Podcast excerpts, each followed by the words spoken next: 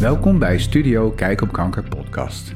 Het gesprek dat je nu kunt beluisteren is met video opgenomen in de studio van Stichting Wegwijzen bij Kanker. Dit is de podcastversie daarvan. Veel luisterplezier. Vandaag in de studio Marcel van den Berg. En Marcel kreeg in 2019 te horen dat hij prostaatkanker had. En hij heeft het nog steeds. En Marcel is actief als vijftiger. Hij heeft een voltijdbaan, werkt bij ING.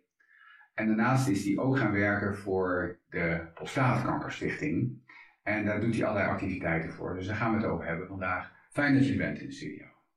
Ik zei net in uh, oktober was het, hè? 2019, oktober 2019. Uh, kreeg je de diagnose uh, prostaatkanker. Hoe, hoe kwam je daar zo terecht dat je die diagnose toen hoorde?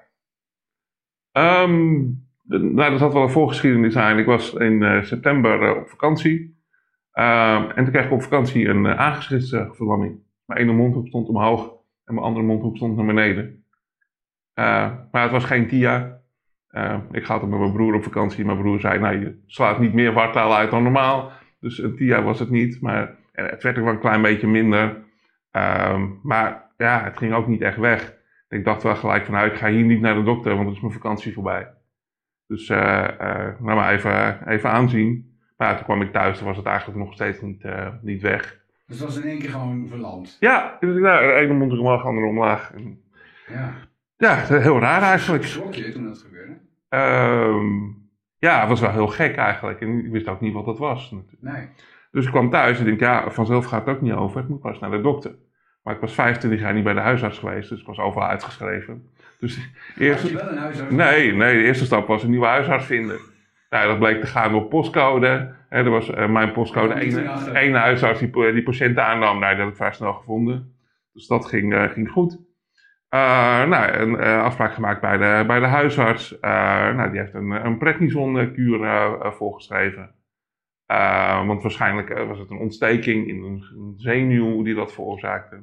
Dus nou, prednison-kuur, dat ging eigenlijk heel goed. Die, ja, die aangezichtsvlamming ging eigenlijk weg. Um, alleen aan het eind van die prednisonkuur uh, werd ik duizelig en, misselijk. Ik dacht, nou, het zal een bijwerking van die prednison zijn. Dus nou, huisarts weer gebeld. Die zei, nou, kijk het even aan. Als je nou het eind van de week nog duizelig bent, dan moet je nog maar een keer bellen. Dat ging natuurlijk helemaal niet over. Dus eind van de week gebeld. Nou, als je nou maandag nog duizelig bent, dan moet je nog maar een keer bellen. Dat ging natuurlijk niet over. Dus maandag weer gebeld. Nou, huisarts zegt, uh, vroeg, kan je hier naartoe komen? nou, naar de huisartsenpost uh, gelopen, zo goed en zo slecht als het ging. Um, nou, die, die zei gelijk van ja, het klopt niet wat ik zie. Je had beter moeten worden van die prednison en niet zieker. Hij zei letterlijk, ik wil zien wat er in je hoofd gebeurt. Dus nou, doorverwezen naar het ziekenhuis, scan gemaakt. Bleek dat er vocht in, in, mijn, in mijn hoofd zat. Er zat, ja, er zat iets in, in, in mijn schedel, was 4, 5 centimeter groot. En dat duwde tegen mijn evenwichtsorgaan en tegen mijn kleine hersenen. Vandaar die verlamming. Vandaar die verlamming. En ja, dus ja, uh, uh, ja, de, ja, dat wat in mijn hoofd zat, had die zenuwklem gezet en uh, duwde tegen mijn evenwichtsorgaan, vandaar dat ik duizelig was. In ieder geval was dat nu te verklaren? Ja, in ieder geval, nou, dat was in ieder geval een verklaring. Uh, zeiden gelijk, was in Zandam in het ziekenhuis. Zeiden gelijk, nou, dat vocht moet eruit, maar dat kunnen we hier niet doen. Dat moet je voor naar Amsterdam. Hebben we zo afgesproken. Dus nou, gaan ze bellen. Nou, uiteindelijk ben ik in de, in de vuur terechtgekomen. Um, nou, dan uh, moet je met de ambulance naar de VU. Uh, nou, dan ga je, gaan ze daar allemaal uh, onderzoeken doen. Ik was bij de huisarts, de, omdat ik, de huisarts zei, ja, je bent zo lang niet geweest. Ik ga even je bloed onderzoeken. nou ja, prima joh. de huisarts vroeg, wil je ook je PSA gemeten hebben? PSA is een prostaat-specifiek eiwit. Ik zei, nou joh, als we toch aan het meten zijn, kleine moeite, meet die ook maar. Nou, daar kwam uit dat ik een, een PSA had van uh, uh, 800 zoveel. Uh, ik wist van mijn vader dat het ongeveer 5 moest zijn. Dus ik dacht, nou, is dat een andere manier van meten? Moeten er twee nullen af? Is het nog te hoog? Dus ik had echt ik had een torenhoge PSA-waarde. Dat, dat was toen al duidelijk. Nou, vervolgens kreeg ik die duizeligheid erbij. Dus kwam ik uh, in het ziekenhuis weer opnieuw PSA gemeten. was het 900 zoveel een paar dagen later. Dus dat steeg ook als een malle. Uh, nou, toen kwam ik in de VU terecht, nog een keer PSA gemeten, was het 1500 zoveel. Dus ja, er was, er was wel duidelijk dat dat helemaal niet goed was.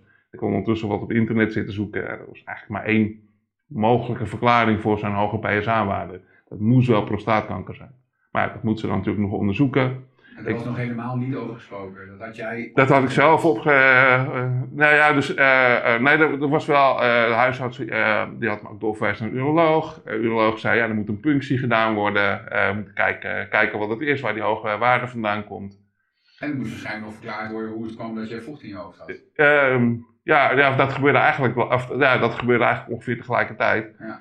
Um, dus ja, dat was allemaal ingepland. Uiteindelijk is het helemaal, die punctie is helemaal nooit, uh, nooit doorgegaan. Toen lag ik gewoon in het ziekenhuis. Want het was al duidelijk dat er echt iets mis was. Ja, ja, dat was wel duidelijk. Ik had ook al een tijdje last van mijn rug. Dat had ik nou, een maand of drie of zo ervoor. En, ja, was een beetje lage rugpijn was dat. Ja, wie heeft er geen last van zijn rug, joh. Nou, daar had ik ook niet heel veel aandacht aan, uh, aan, aan, besteed. Nou, toen met die prednisonkuur ging die pijn in mijn rug ook weg. Nou, mooi, zal ook wel een ontsteking geweest zijn. Dus ik kwam in de VU terecht. Ik had eigenlijk uh, drie dingen. Ja, en in, in, theorie kunnen ze natuurlijk alle drie de hoofdoorzaak zijn en de andere twee de bijwerkingen. Dus toen hebben ze een punctie gemaakt uh, van, van mijn heup. Um, en dan hebben ze prostaatcellen in mijn heup aangetroffen. Dus nou, toen was het duidelijk hoe het zat dat de prostaat de hoofdoorzaak was. En dat uh, die heup, ehm, er zat een uitzaaiing bovenop mijn heupbot. Ehm, en die heeft eigenlijk het heupbot uit elkaar geduwd. Dus ja, dat, eh, dat deed heel erg pijn. en en die, wat in mijn hoofd zat, was, was ook een uitzaaiing. Er was vanuit mijn schedelbot een uitzaaiing gaan groeien. En die duwde naar binnen toe. Dus dat was echt ontzettend veel aan de hand eigenlijk. Ja, dus ik had drie dingen. Ja, ik wist, ja, kon ook niet vermoeden dat dat allemaal met elkaar te maken had. Nee. Dus uh, dat bleek dus, nee, dat bleek allemaal met elkaar te maken. Dus ik had twee uitzaaiingen, uh, of twee grote uitzaaiingen. En, en, en een prostaat, tumor bij mijn prostaat. Ja. Nou, moet je volgens door de scanner heen. toen had ik nog veel meer uitzaaiingen. Het zat echt overal. Ik had op 15 botten zat wat. mijn longen, mijn lever, verschillende lymfeklieren. Het zat echt overal. Kun je, kun je teruggaan naar het moment dat je dat eh, doorkreeg, dat het zo was uitgezaaid? Wat, wat gebeurt er dan in je, in je hoofd in de zin van psychisch? Nou ja, um, ik was eigenlijk niet, nee, helemaal niet zo mee bezig. Ik, ik was duizelig en daar had ik last van. Uh, dus eigenlijk, nou toen kwamen ze met dat hele verhaal. Er was een familiegesprek, mijn ouders waren erbij.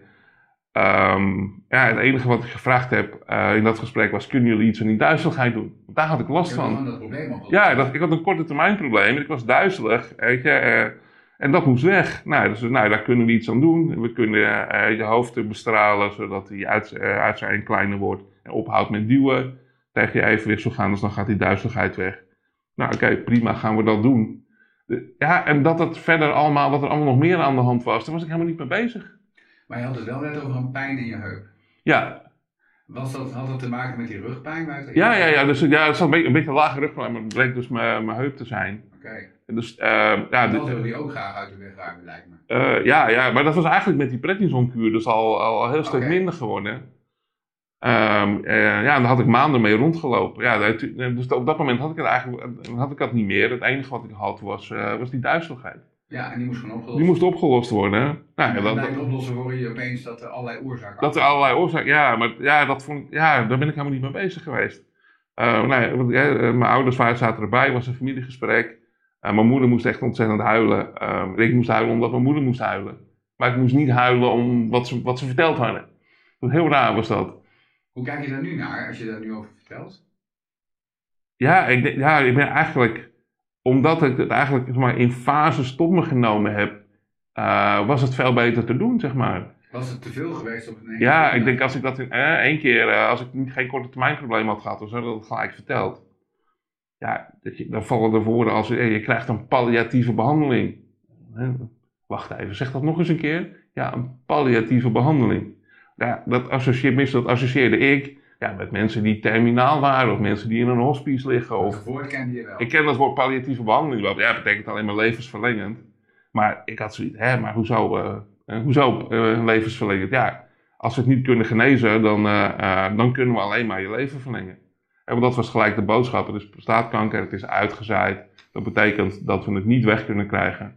Dat we het, ja, we kunnen het wel onder controle, of proberen zo ver mogelijk onder controle te krijgen, maar we kunnen het niet wegkrijgen. Dus je bent ongeneeslijk ziek. Dus dat was gelijk de boodschap. Eh, en ja, En die kwam in het begin niet Nee, die kwam helemaal, eigenlijk helemaal niet binnen, want ik had een korte termijn probleem. Dat moest Ja. eerst opgelost worden. En nu ben ik, ja, ik ben heel blij dat het zo gelopen is. Want ik, als dat gelijk ja, binnengekomen was, ja, dan, dan weet ik ook niet hoe ik daarop gereageerd had. dan? Dat als je dat in één keer had laten doordringen. Want bij je moeder gebeurde dat wel. Die snapte Ja, ja, die, ja, die hoorde gelijk dat, er, dat, dat een kind ongeneeslijk ziek was. Dat is natuurlijk niet iets wat je, wat je wil horen als En jij was eigenlijk verdrietig voor je moeder. Ja, dat was mijn reactie toen. Ja, Ja. ik, ik heb ook echt letterlijk gezegd van ja, het is wat het is. Eh, ik, ik, heb ook, ja, ik heb die duizeligheid en daar kan wat aan gebeuren. Nou, dat gaan we gewoon doen. Eh, Ja, en, en de rest zien we wel. Ja, dus als die duizeligheid niet hadden kunnen oplossen, ja, wat maakt het dan uit dat je al die andere dingen nog hebt? eh? Want die was echt heel ernstig ook, die duizend. ja, ja, ja, het was echt, was echt heel erg. Ik heb eh, ehm, negen dagen op de bank gelegen en ik had negen dagen niks gegeten. Ja, ja. Als je wil afvallen is dat een goed idee. Oké. Maar eh, nee, dus ik was, ik was ook echt heel erg verzwakt dat ik in het ziekenhuis kwam. Ik kon echt helemaal niks. En het grappige was, nou grappig, eh, ik had gelijk een soort, soort overlevingsdrang had ik. Ik had wel zoiets van, ik moet weer gaan eten. Dus alles wat ze me in het ziekenhuis voorgezet hebben, heb ik braaf opgegeten. In het begin dacht ik ook van, oh wat een groot bord en hoe krijg ik het allemaal weg. Maar Dat is dan echt je hoofd niet naar. Nee, nee, helemaal niet. Maar ik had, ja, ik had echt ja, negen dagen niks gegeten. Dus de eerste avond in het ziekenhuis, toen waren allebei mijn broers waren op bezoek. En die zeiden verder niks. Die keken alleen maar hoe ik dat enorme bord met eten naar binnen aan het werken was. En ik denk, ja, ik ga hier niet mee wegkomen als ik nu zeg dat ik het niet meer hoef. Dus ik heb het allemaal maar opgegeten. Ja. Dus ik knapte eigenlijk ook wel vrij snel weer op in het ziekenhuis. En de thuisreis verdween. Die duizeligheid die, eh, die verdween. Ehm, nou, nou het, ik, wist, ik wist gewoon hoe ik ermee om moest gaan. Ik moest gewoon, eh, als, ik, als ik rustig bewoog en hè, bijvoorbeeld als ik uit bed kwam, even op de rand van je bed gaan zitten, alles even rustig doen. Ehm, dus ja, ik wist goed hoe ik ermee om moest gaan. Uiteindelijk, maar dat duurde best wel een paar weken, eh, is mijn hoofd is vijf keer bestraald. En zeg maar, na de tweede keer bestraling was die duizeligheid was weg. Want ze hebben het vocht in feite weggehaald op de straal. Ja, ze, hebben, nou, ze zeiden gelijk in de vuur van, nou, we gaan je hoofd niet openmaken, doen we niet. Eh, veel te riskant. Ehm, dus eh, we gaan het anders oplossen, we gaan het bestralen. En het hielp dus heel snel. Ja, dat hielp heel snel, dat hielp heel goed. En het wordt nu nog steeds gecontroleerd, hè. ik moet nu nog ehm, regelmatig onder de scanner. Er zit gewoon echt helemaal niks meer. Ehm, en dat komt ook niet meer terug. Zeg maar. Dat zou wel heel erg toevallig zijn dat precies op dezelfde plek iets, weer iets gaat groeien wat precies even, even groot wordt. Dus dat is eigenlijk vrijwel, nee, vrijwel zeker dat dat niet meer terug gaat komen. Het is fijn te weten. Ja, Hoe is het absoluut. met de rest van je lichaam? Want je had een allerlei eh, uitzalingen had je mee te maken. Je heup in ieder geval, is dat Ja, opgelost? Ehm, ja, mijn heup is ook één keer bestraald, zeg maar, om het te, om het te helpen genezen. Eh, dat is goed gegaan. Ja, het zal altijd wel een zwakke plek blijven. Ik voel dat altijd. Ik voel dat nog wel, zeg maar. Ehm, ja, daarna dus, eh, nee, dan krijg je dus diagnose uh, uitgezaaide prostaatkanker. Ehm, ik was er redelijk eh, slecht aan toe fysiek. Eh, dus de standaardbehandeling is eh, hormoonbehandeling en eh, chemotherapie. En die chemotherapie, dat kon ik echt niet aan op dat moment. Dus ik heb een dubbele hormoonbehandeling gehad. Um, en ja, dat ging eigenlijk als een tierenlier. Die bloedwaardes die gieren omlaag. Dus ja, ik knapte eigenlijk heel erg snel op door die hormoonbehandeling. En dat voor een man die echt 25 jaar niet bij de huisarts is. Ja, ja klopt. Nooit wat gehad. kun je helemaal door de medische molen uit. Ja, absoluut. Hoe was het om dat mee te maken? Um, ja, ik vond het wel. Ja, het was wel een, een, mooie ervaring eigenlijk. Die hele medische sector had ik nooit zoveel mee te maken gehad. Ja, nee. mijn ouders hebben wel eens in het ziekenhuis gelegen, maar ik had zelf helemaal niks mee te maken gehad. En dan merk je eigenlijk uh, ja, hoe goed het georganiseerd is en wat een fijne mensen in de, in de medische sector werken. Dus ja, daar had ik eigenlijk nooit mee te maken gehad. En uh, nu, ja, ja, allemaal. En dit speelde voor de corona-uitbraak? Het was, ja, het was een paar maanden, van een half jaar ervoor. Ja, inderdaad. Ja, ja daar heb je dan wel geluk mee, denk ik. Ja, nou, ja dus dat kwam later nog. Uh, dus nou ja, de dubbele hormoonbehandeling, waarde schier omlaag. Eigenlijk, dat heeft bijna een jaar geduurd, een maand, maand of tien. Uh, hebben die, zijn die waardes gedaald. Dus mijn PSA ging omlaag van uh, 1524 naar 0,5. Dus dat, ja, dat werkt dat allemaal. meer in de buurt van wat je vader ooit. Uh, ja, ja, dus ik had een laag. Hoe zat dat eigenlijk met je vader? Want je, je noemde straks je vader. Uh, die had ervaring met PSA? Uh, nou ja, nee, uh, halverwege leeftijd moet het af en toe oh, gemeten worden. Daar wist, daar wist, ik wel wat de waardes moesten zijn. Ja. Nou, ik heb ook erfelijkheidsonderzoek laten doen, want mijn opa van moederskant is overleden aan prostaatkanker. Mijn moeder heeft zeven broers, daar zijn er ook vier van overleden aan prostaatkanker. Dus dat gaf toch wel een vermoeden, vermoeden ja. dat er iets in de familie zit. Maar van de neven aan mijn moeders kant ben ik een van de jongste en mijn neven hebben het allemaal niet. Dus dat is dan weer heel raar, dat zou je dan uh, ook verwachten. Dus erfelijkheidsonderzoek gedaan, nou, dan testen ze een aantal genetische afwijkingen. Uh, er zijn er drie bekend, nou, alle drie zitten niet, of die heb ik niet. Dus ja, er zit misschien wel iets bij ons in de familie, maar iets wat nog niet bekend is waarschijnlijk. hoe kijk je er dan naar? Je hebt prostaatkanker gekregen rond je vijftigste. Uh, waarom is dit gebeuren, gebeurd? Ja, ja, kijk wat ze dan zeggen. Uh, uh, Zo'n genetische afwijking is, noemen ze een risicofactor. Dus je hebt een vergrote kans om het te krijgen, maar er moet ook nog iets bij komen. Dus dat verklaart zeg maar waarom al mijn neven het niet hebben.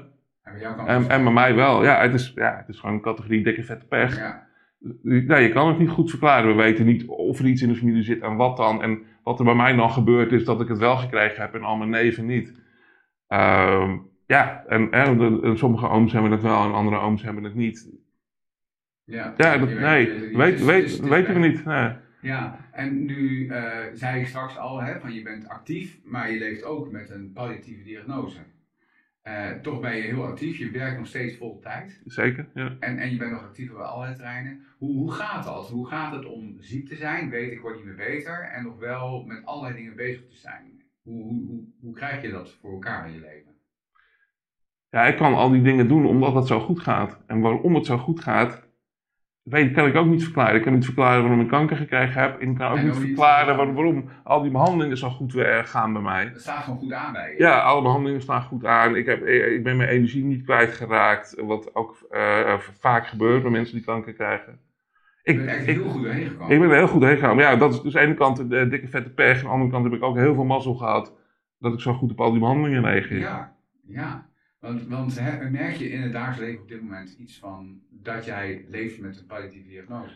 Um, nou ja, kijk, dat is natuurlijk iets wat, wat nooit uit je gedachten gaat. Weet je? Dat, dat, ben, ja, ik ben me elke, elke seconde van elke dag ben ik me daar bewust van. En wat denk je dan?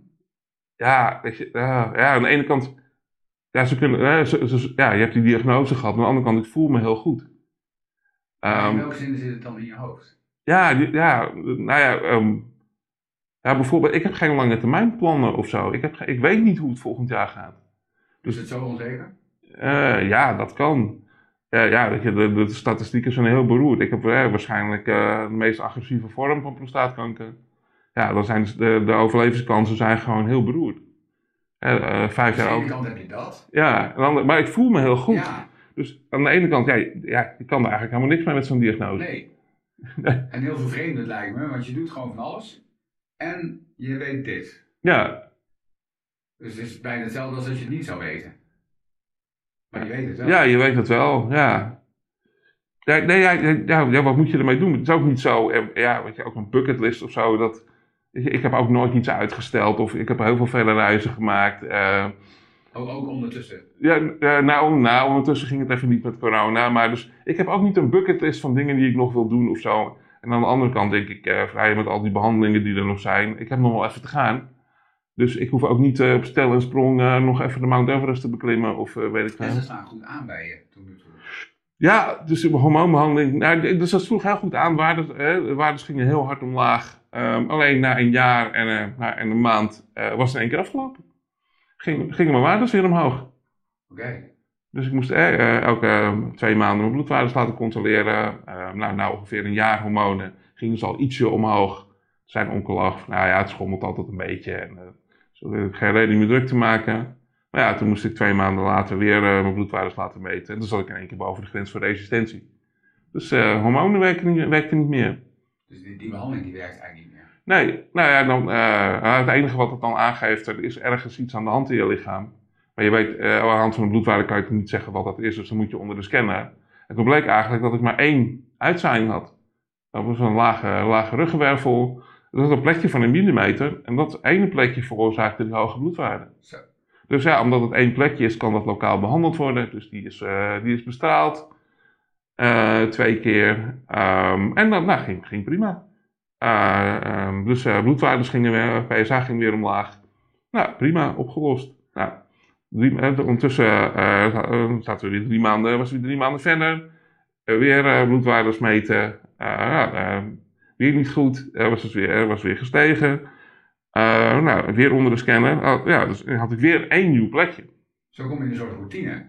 Ja. Het gaat goed, even niet, opzoeken waar het zit, behandelen en weer door. Nou, bij, dat, dat, bij die tweede uitzaaiing zijn oncoloog, ja, kan je niet elke drie maanden blijven bestralen. Dat kan niet. Dat dat is veel te vaak, dus we kijken het even aan. Uh, nou, weer drie maanden verder, toen had ik eigenlijk niks, uh, niks nieuws. Alleen het plekje van april zat er nog, maar verder zat er niks nieuws bij. Dat was wel goed nieuws toen. Ja, dat was hartstikke goed nieuws. Um, en toen, was ik, toen werd ik ook net 50, uh, dus ik had ook helemaal niet opgerekend dat ik mijn verjaardag nog kon vieren. Oh ja? en nou ja, dan blijft die uitslagen waren goed. Dus heb ik mijn 50 verjaardag nog kunnen vieren. Maar heb je met dat idee gelopen van ik haal de 50 niet? Ja, ik dacht, ik dacht, ik, ik dacht in januari al van ja, ik moet aan de chemotherapie. Nou, dat bleek toen met bestraling opgelost te kunnen worden. Ja. Maar er zit dus nog wat in, in de, de koektrommel, noemen we dat dan. Hè? Dus je weet dat er hierna nog dingen kunnen. Ja, absoluut. Als dit niet meer werkt. Uh, ja, dus ik heb, uh, nou ja, sowieso, er zijn een aantal, uh, het protocol heeft een aantal standaardbehandelingen. Ja. Maar ik loop bij academisch ziekenhuis in, bij de VU. ja, en die doen ook nog dingen die niet in het protocol staan. Okay. Um, wat je bedoelde met van, er zijn nog mogelijkheden. Ik heb, zo, ja, ik heb zoveel behandelmogelijkheden ook nog erbij gekregen. Okay. Officieel heb ik na deze chemo heb ik nog drie behandelmogelijkheden. Uh, kwamen we zo op, uh, chemo. Um, maar uh, omdat het zo goed gaat, kan ik eigenlijk deze chemo nog een keer krijgen. En er is nog een hormoonbehandeling die ik kan proberen. Ze kunnen nog onderzoek doen of er soorten immuuntherapie zijn die, die werken. Um, dus ik heb een paar maanden geleden gesprek met de oncoloog. Die ging zomaar met drie behandelmogelijkheden extra naar huis. Ja. En je moet werken elke behandelmogelijkheid. Voor een, voor een feestje? Um, ja, eigenlijk wel. Ja. Doe je dat ook? Want je noemde twee broers, je noemde je ouders. Je noemde ook dat je moeder eh, op het moment dat die boodschap kwam daar heel veel moeite mee had. Hoe is het nu met je familie? Ten aanzien van. Ja, um, ja dat, is, dat is voor hun ook heel lastig. Voor mij net zo goed. Want um, ik ben natuurlijk wel ziek en ik ben heel erg ziek. Ja. Maar ik voel me niet ziek. Nee. Dus voor, dat is voor hun ook lastig. Um, Wat is dat lastig aan? Hè? Ja, ja ik, ik, ben, ik zie er niet ziek uit. Ik, ik, ik gedraag me niet ziek. Nee. Dus ja, het is heel makkelijk om te denken, nou, als je er niet ziek uitziet, dan ben je het ook niet. Ja. Dus het is heel makkelijk om het, uh, om het te ontkennen. Uh, ik, ja, ik probeer het niet te ontkennen, ik probeer er wel rekening mee te houden, maar voor mijn omgeving is dat ook heel lastig. Ja. Van hoe gaan ze nou, hoe moet je daarmee omgaan? Hoe moet je daar nou mee omgaan, ja. Hebben jullie het over met elkaar? Ja, ja, daar hebben we het, hebben we het wel over. En, en, en wat is dan daar de uitkomst van? Ja, dat, ja je, je moet gewoon bij de dag leven. Ja, ja, ik kan niet voor volgend jaar iets plannen. Ik weet niet hoe het gaat. Ik, er zijn flink wat behandelmogelijkheden, maar ik ga er ook vrij snel doorheen. Dus ja, we gaan het zien. Ja, tien jaar is heel ver weg. Ik weet echt niet, uh, ja, over tien jaar heb ik alle behandelmogelijkheden wel gehad, maar dan zijn er misschien ook wel weer nieuwe dingen beschikbaar die je kan proberen. Dus, ja. Ja. ja, je, kan gewoon, je kan gewoon niet op lange termijn denken. Ja. En je, ondertussen leef je ook. Hè? Dus het is niet zo dat je op de bank bent gaat zi gaan zitten en dat, dat het leven eigenlijk stil is komen te staan. Want je bent gewoon nog, wat ik al zei, heel actief. Je werkt weer volledig. Uh, ja, klopt. Hey, dat is niet altijd zo geweest. Nee, dus toen ik de diagnose kreeg, toen was ik ook fysiek echt heel slecht aan toe. Dus heb ik drie maanden niet kunnen werken. Oké. Okay. Ja, toen, um, toen ben Vanuit ik... een fulltime baan? Ja, ik, ik had gewoon een fulltime baan. Uh, ja, ik kon gewoon echt niet, uh, niet werken. En toen ben ik langzaam weer begonnen, een paar uurtjes per dag. En dat ging eigenlijk heel goed. Toen was, ook, toen was ik ook net begonnen met die hormoonbehandeling. Uh, die, dat ging echt heel snel, heel goed. Dus ik zat gewoon met twee maanden, zat ik weer op zeven uur op een dag. Dat de arme arts zei van, nou, dit was nou ook weer niet de bedoeling. Uh, ga maar even een beetje rustiger aan doen. En dus, heb je dat gedaan? Dat heb ik wel gedaan. Maar uiteindelijk zat ik, denk ik, na vier maanden of zo, zat ik weer op, op hele, hele werkdagen. Is werk belangrijk voor je? Ja, heel belangrijk.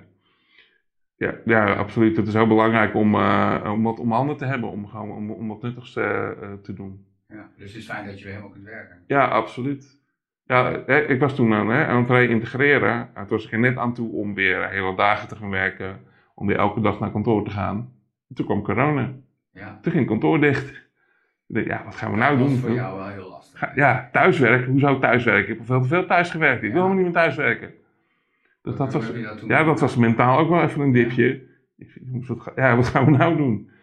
Ehm, Want jij wilde eigenlijk gewoon weer ja, ondernemer ik, zijn. ja ik, weet, je, ik ging dan eh, eerst één dag in de week naar eh, kantoor, een paar uurtjes. En toen twee dagen en toen drie dagen. En toen nou, zou ik eigenlijk weer hele dagen gaan werken. En toen ging de poel dicht, toen moest iedereen thuis werken. Hoe ben je ermee omgegaan? Ja, ja, het was echt wel een dipje. Eh, maar aan de andere kant, ja, ik was weer leuke dingen aan het doen. En dat ging thuis ook eigenlijk heel goed. Weet je, veel, ik had dacht altijd dat ik ook naar kantoor moest om te werken. Maar dat- Wat heb je een, heb je een, een, gezinssituatie? Hoe is je thuissituatie? nee, nee, ik woon alleen. Ik heb toen, eh, toen ik uit het ziekenhuis kwam, eh, toen heb ik wel eh, een behoorlijke tijd bij mijn ouders gewoond. Ja, ik kan me voorstellen. Die zeiden gelijk van, nou nee, je gaat niet weer in je eigen appartement zitten en weer niks eten. Kom maar met ons mee. En dan kunnen wij ervoor zorgen, ja, op je letten en zorgen dat je het eten krijgt. Was dat, was dat fijn? Ja, dat was heel fijn. Zonder zonder mijn ouders had ik het ook niet, eh, niet gered, absoluut niet. Dus, ehm, eh, ja, en toen kwam ook corona. Toen zat ik nog bij mijn ouders. Dus uiteindelijk heb ik acht maanden bij mijn ouders gezeten. Tijdens de corona. Tijdens de coronaperiode. Ja. En als dat niet zo was geweest, ja, dan had ik misschien mijn ouders niet eens kunnen of durven zien. Of... Oh, dat was nu, voelde niet als een, als een lokale, omdat je al daar was. Ik, zat bij, ja, ik zat bij mijn ouders, toen kwam die coronatoestand. Ja. Ehm, ja, dus ja, weet je, ik ben, ja. Dat is dan een gro- groot geluk geweest. Ja, absoluut. wel, eh, daar al was. Eh, Ja, ik, ja, ja, want anders dan, ja, daar had ik toch wel voorzichtig mee was eh, geweest. huishouden en het was al zo. Ja, we waren één huishouden toen corona kwam, dus Ja. ja ik, was, ik was niet op bezoek daar of zo. Nee, ik snap het. En je werkte dus vanuit huis, eigenlijk vanuit het huis van je ouders. Ja, klopt. Ja, eigenlijk achteraf vind ik het eigenlijk is het best wel, eh, best wel, eh, eh, best wel raar eigenlijk. Dus ik ben eerder gaan werken dan dat ik weer op mezelf kon wonen.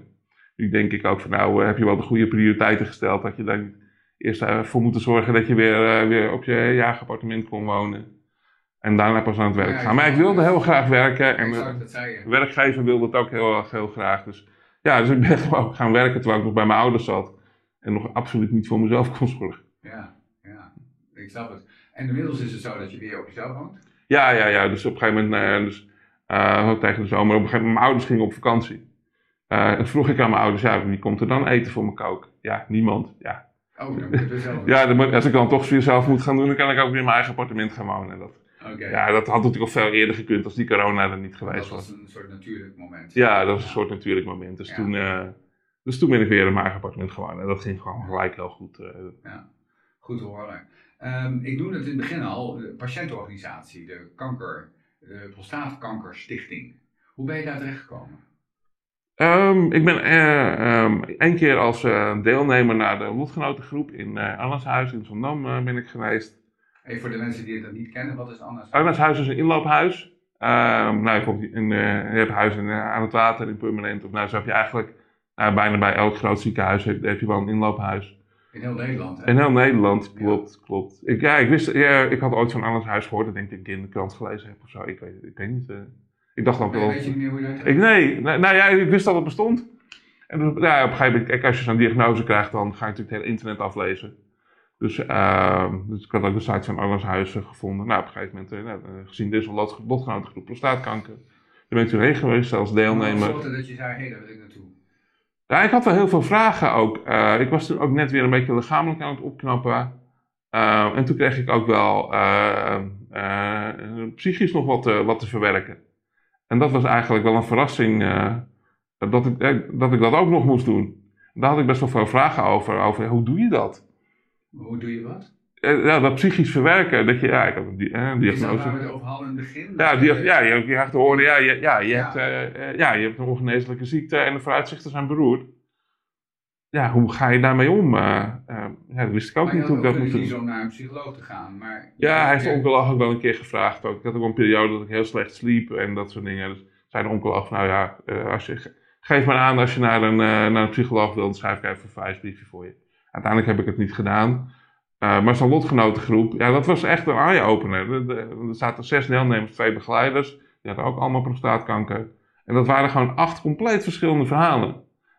We hebben allemaal dezelfde ziekte, maar het gaat bij iedereen compleet anders. Dus dat vond ik, dat vond ik echt heel waardevol. Nou ja, vervolgens, eh, eh, eh, vlak daarna begon de lockdown, dus Anna's huis ging weer, ging weer dicht. Nou, dat gegeven wel heel erg jammer. ja, ja, maar op een gegeven moment ging het weer open. en toen, toen was ik daar toevallig in de buurt. En die, want ik had al gezien, de lotgenotengroep die wordt niet opgestart. Dus ik liep daar gewoon een keer naar binnen en nou, met de coördinator gepraat van, joh, want ik had inmiddels een mailtje gehad dat een van die begeleiders was overleden. Die man was in de, in de tachtig.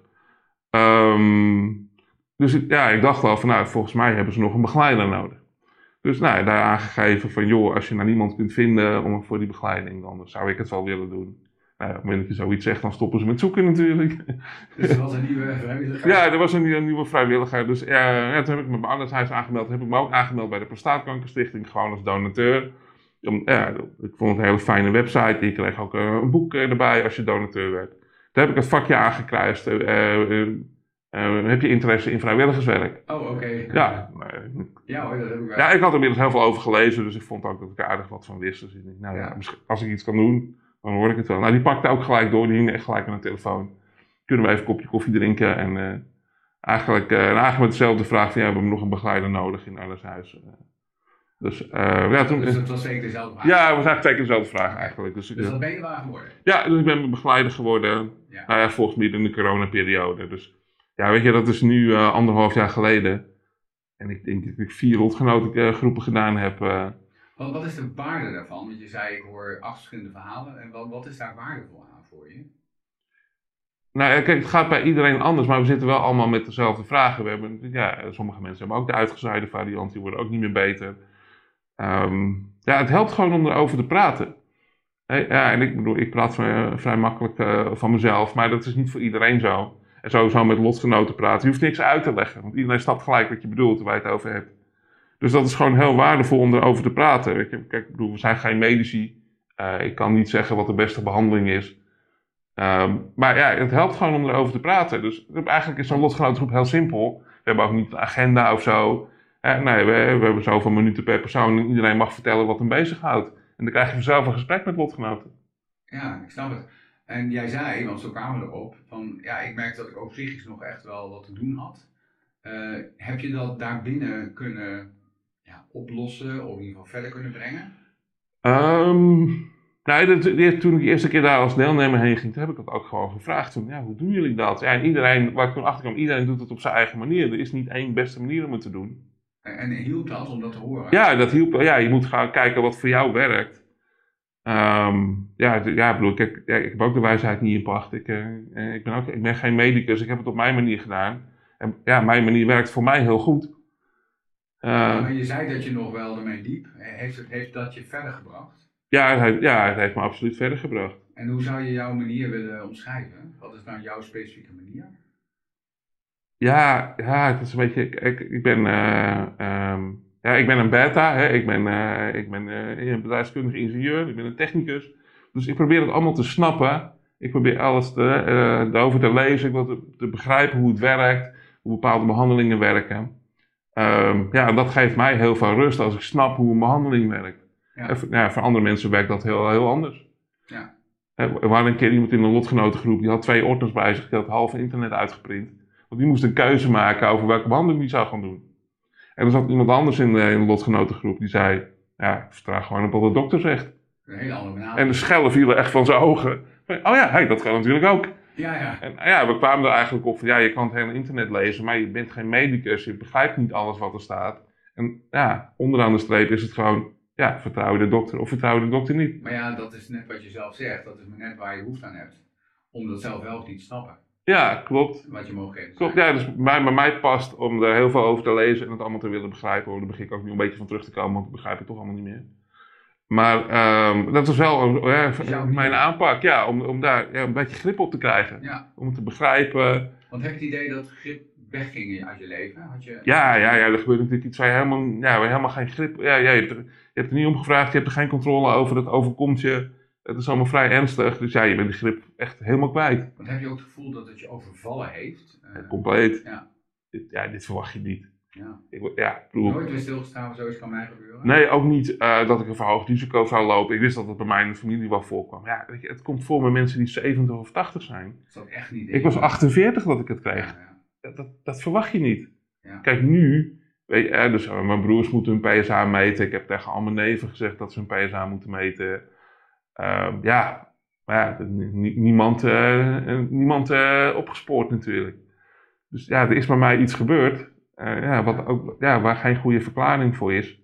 Ja. Ja, dus ja, ja dan, dan ben je dus ja, ben je de grip en de controle volkomen kwijt. En ja, mijn manier was dan om de grip op te krijgen om er zoveel mogelijk over te lezen. Ja, ik snap het. Hoe, hoe kijk jij naar de toekomst? Want je hebt al een beetje over gehad.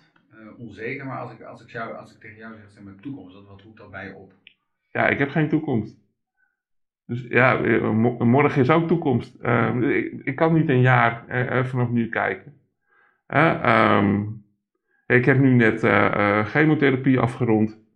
Eh, dat, is, dat is heel goed gegaan. Ehm, Daar kom je net uit. toen kom ik net uit, twee weken geleden, de, de laatste chemo gehad.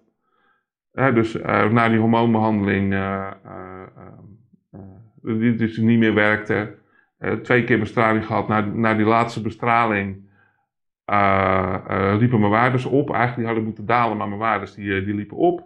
Dus er was iets anders aan de hand. Nou, moet je weer opnieuw onder de scanner. Toen had ik zes nieuwe uitzaaiingen. Nou, zes nieuwe uitzaaiingen kan je niet met bestraling oplossen. Dus toen moest ik aan de chemotherapie. Dus afgelopen oktober ben ik begonnen met chemotherapie. Dat ging heel goed. Heel weinig last van bijwerkingen gehad. Ehm, op het laatst wel, wel, wel wat meer, maar het was allemaal goed te doen. Eh, PSA is echt enorm gedaald. 97,5% gedaald. Dus eh, ja, maar, ja, het is heel goed. Het sloeg heel goed aan. Weinig last van. Ehm, ja, het is nu hopen dat het een paar jaar rustig blijft. Dat we een dusdanige klap hebben uitgedeeld eh, aan die tumoren en die uitzaaiingen. Dat het een paar jaar rustig blijft. Maar ja, dus dat is een beetje mijn horizon. Dat, dat is je horizon, dat is Ja. een jaar, daar denk je wel in. Ja, dus, ja nou laten we zeggen, één, twee jaar of zo kan ik vooruitkijken. En dan heb ik weer een nieuwe behandeling nodig. Ja. En dan, eh, nou, omdat het zo goed gegaan is, kan ik deze chemo nog een keer krijgen. Nog een hormoonbehandeling die ik kan doen. Ehm, dus ja, ter- en, en, en er is natuurlijk heel veel in ontwikkeling. Dus eh, als je in, eh, jaren kunt denken, is er misschien ook wel een nieuwe behandeling eh, beschikbaar. Het is ook wel onzeker eigenlijk. Het is heel, ja, dus, ja, dan moet ik mee leven met die onzekerheid. Ja. Nu eh, zie ik een energieke man tegenover mij, die ook heel veel plezier heeft in dingen, in werk in ieder geval. Absoluut. Maar ook nog iets anders, want ik vroeg je iets mee te nemen en toen nam je een sjaaltje mee van AZ. Ja, klopt. Ja, nou, eh, wil je er iets over vertellen? Daar wil ik iets over vertellen. Ik zal even laten zien wat erop staat. Ik of op de camera is dat goed te zien. Er staat op de Boys Are Back in, Town staat erop. Ehm, dit sjaaltje eh, eh, kregen we bij de, ehm, de eerste wedstrijd eh, ehm, die weer gespeeld kon worden na het instorten van het dak. Het instorten van het dak, eh, dus het dak is naar beneden gekomen, precies daar waar, eh, waar- op de plek waar wij zitten. Oh, Eh, ik ga altijd met mijn vader en mijn broer naar het, eh, naar het voetballen. Eh, en precies waar wij zitten is het dak naar beneden gekomen. Dus als dat tijdens een wedstrijd dat eh, was gebeurd zo, was. hè? Het is eh, buiten de Het wedstrijd. is, ja, ja, het is gewoon op een zaterdag gebeurd. Ja. eh. Ehm, dus, maar als het, dan had, ja, had ik ook nooit de diagnose prostaatkanker gehad, want dan had ik het toch niet kunnen navertellen. dus, Dat was ja. dat was de, ja, het was, het was eh, in augustus en in, eh, in oktober kreeg ik de diagnose prostaatkanker. En, en, en toen het dak is hersteld, toen kreeg je een sjaaltje. Ja, ja, dus nou, we konden toen eh, een paar maanden niet in, in Alkmaar spelen. Toen zijn we uitgeweken naar Den Haag. Ja. Dat was ook net de periode dat ik weer uit het ziekenhuis kwam. Ehm, dus ik had heel weinig energie, maar ik vond het echt zo belangrijk om naar AZ te gaan. Dus eh, ik heb één wedstrijd gemist omdat ik in het ziekenhuis lag. Maar verder ben ik alle wedstrijden in Den Haag ben ik heen geweest. Ik kwam uit het ziekenhuis. Het was echt serieus. Ik kwam uit het ziekenhuis en een uur later zat ik in de auto om naar Den Haag te gaan.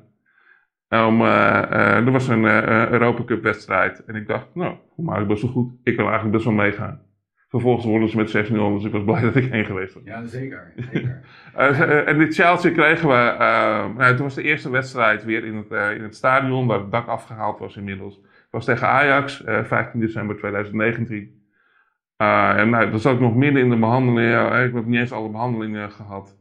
Eh, ja, toen kregen we dit sjaaltje, ook met de boodschap, de boys are back in town. Ehm, toen dacht ik ook, van, nou ja, als AZ terug kan komen, als het dak instort en kan toch terugkomen in het stadion, eh, als AZ terug kan komen, dan kan ik ook terugkomen. Wat mooi. Je legt gelijk een parallel. Ik dacht zelf ook van, eigenlijk het krijgen van zo'n overrompelende boodschap van er zit eh, heel veel uitzaaiing in jou en je hebt ongeneeslijke prostaatkanker. is ook alsof je het dak instort. Ja, precies. begon in je dak van je hoofd Ja, eigenlijk. ik begon in het dak van mijn, eigenlijk mijn dak was ook ingestort. Nee, mijn leven was ingestort, zo kan je het ook zeggen. En is deze boy back in town? Voorlopig wel, ja. Ja. Ja, het gaat nu weer heel goed. Eh, komende maandag moet ik onder de scanner, eh, ehm, dus tot nu toe meten ze alleen maar bloedwaardes. Bloedwaarden geven aan dat het heel goed gaat. maar maandag moet ik onder de scanner om te kijken hoe het, hoe het er echt voor staat. Maar dat zal, het beeld zal goed zijn. En ja, ik hoop dat het weer een paar jaar goed gaat. Dat ik weer een paar jaar back in town ben. Dat hoop ik ook voor je. Ja, en dan we gaan het zien. Ja. ja. Kan ik zeggen dat AZ voor jou een van je inspiratiebronnen is? Ja, absoluut. Nou, dit jaar even niet, maar dat seizoen we hadden we een heel goed seizoen. Helaas stilgelegd vanwege corona. we hadden, ik gaf twee punten minder dan Ajax en een wedstrijd minder.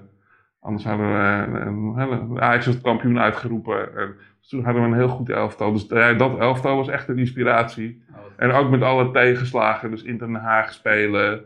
een, een, stadion, een paar maanden stadion zonder dak. Gewoon, gewoon, alles gaat toch gewoon door. Herstellen nee, dat, en doorgaan. Herstellen en door, ja, dat was echt een inspiratie, absoluut. Ik vind het mooi om daarmee af te sluiten. Ik wil je echt heel erg bedanken voor je openheid en uh, hoe mooi en goed je erover kan vertellen. Ik denk voor heel veel mensen een inspiratie. Laten we het hopen. AZ voor jou een inspiratie. Ja. Dank je wel voor je komst. Yes, graag gedaan. Dank voor het luisteren naar deze aflevering. Wil je de video van dit gesprek zien? Kijk dan op www.wegwijzenbijkanker.nl of op het YouTube-kanaal van Wegwijzen bij Kanker. Playlist Studio Kijk op Kanker. Wil je meer informatie over aanvullende zorg, hulp of ondersteuning bij kanker? Kijk dan op www.wegwijzenbijkanker.nl. Vergeet niet je te abonneren op dit podcastkanaal. Graag tot een volgende aflevering.